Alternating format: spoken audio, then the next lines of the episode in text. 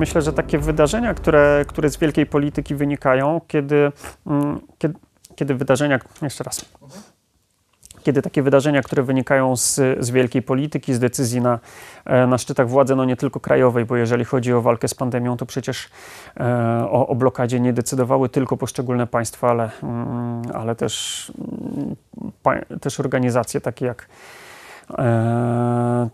no, takie jak choćby WHO, czyli Światowa Organizacja Zdrowia. Kiedy, kiedy tego typu decyzje spadają na człowieka, no to możemy się czuć bezradni, dlatego że nie mamy żadnego wpływu na to, jak mm, mamy mały wpływ, powiedzmy, na to, co zrobią politycy w naszym kraju. No, od czasu do czasu można zagłosować.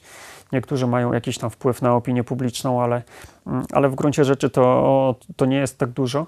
Mm, a kiedy decydują o tym y, władze na całym świecie, no to, że to już w ogóle można poczuć bezradność. Nagle się przetacza walec E, taki powiedziałbym zdrowotny, ekonomiczny przez świat i, i można tylko się ewentualnie buntować, irytować, jeżeli komuś przeszkadza.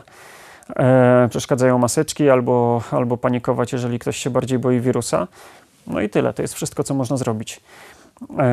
Natomiast, natomiast ksiądz Dolindo był przykładem tego, że kiedy spadało na niego cierpienie, czy to, czy to wynikające z wielkiej polityki, tak jak to było w czasie wojny, mm, czy to wynikające z decyzji jego, jego przełożonych, czy kiedy go maltretował jego własny ojciec, e, on w tym potrafił widzieć, e, widzieć działania Pana Boga. Nie tylko przebaczać tym, którzy go krzywdzili, ale nawet jeżeli nie rozumiał, nie wiedział, dlaczego został skrzywdzony, no bo to jest naturalna reakcja. Jeżeli nie stąd, ni zowąd e, gorliwy, aktywny ksiądz dostaje, e, dostaje zakaz nawet przyjmowania komunii, nie mówiąc o sprawowaniu Eucharystii.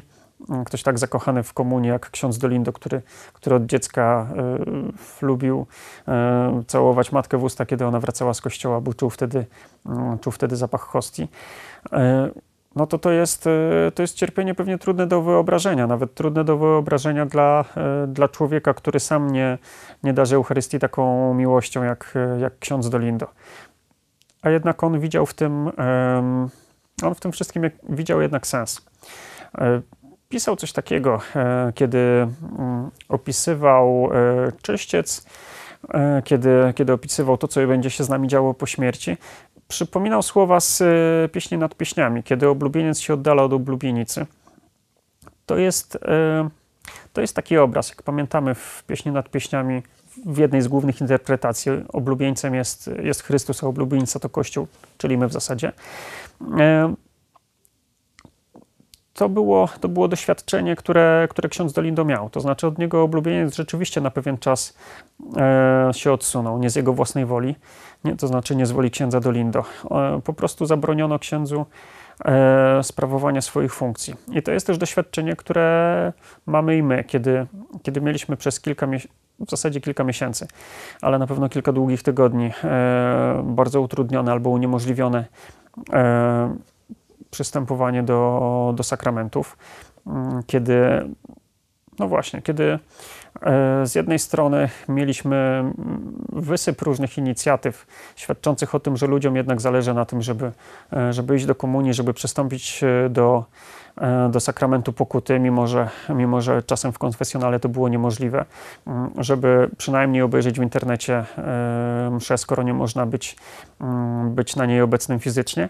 No ale z drugiej strony też widzimy, że, że kiedy blokady zostały zniesione, to ludzi w kościołach po prostu jest mniej. To znaczy wielu z tych, który, e, którym zabrakło, zabrakło oblubieńca, jakoś chyba nie, nie ma z tym wielkiego problemu. Łatwo chyba wielu z nas przywykło do tej sytuacji. E, I myślę, że to jest bardzo, bardzo daleka postawa od tego, co, co ksiądz Dolindo prezentował. Mm, on sam pisał, że kiedy oblubieniec się oddala, to po to, żeby oblubienica zatęskniła za nim, doceniła to co, to, co mogło się dla niej wydawać oczywiste. E, on sam też na pewno przez te, przez te lata, kiedy nie mógł e, sprawować Eucharystii, tęsknił za nią bardzo i, i później oprócz tego, że, że trochę się bał, kiedy wreszcie mógł Mm, mógł celebrować Eucharystię, bo, bo po prostu wyszedł z wprawy, mm, to, to wiemy, że było to dla niego ogromne przeżycie, ogromna radość, że wreszcie te, e, te niesprawiedliwe ograniczenia, te, te ograniczenia, które uniemożliwiły mu ten fizyczny, będący komunią, kontakt z Chrystusem, e, ta, ta blokada, która była dla niego ogromnym cierpieniem, teraz, teraz zniknęła i to była gigantyczna ulga i gigantyczne szczęście. No ale właśnie, czy my tak naprawdę mamy, mamy taką postawę jak ksiądz Delindo, no to, no to chyba każdy może sobie odpowiedzieć na to pytanie, jeżeli się trochę zastanowi. E, obawiam się rzeczywiście, kiedy spojrzy się na, na to, jak wyglądają kościoły teraz, e, że, że ta miłość do komunii to jest coś, czego mówiąc, powiedzmy delikatnie, musimy się od księdza Dolindo jeszcze uczyć.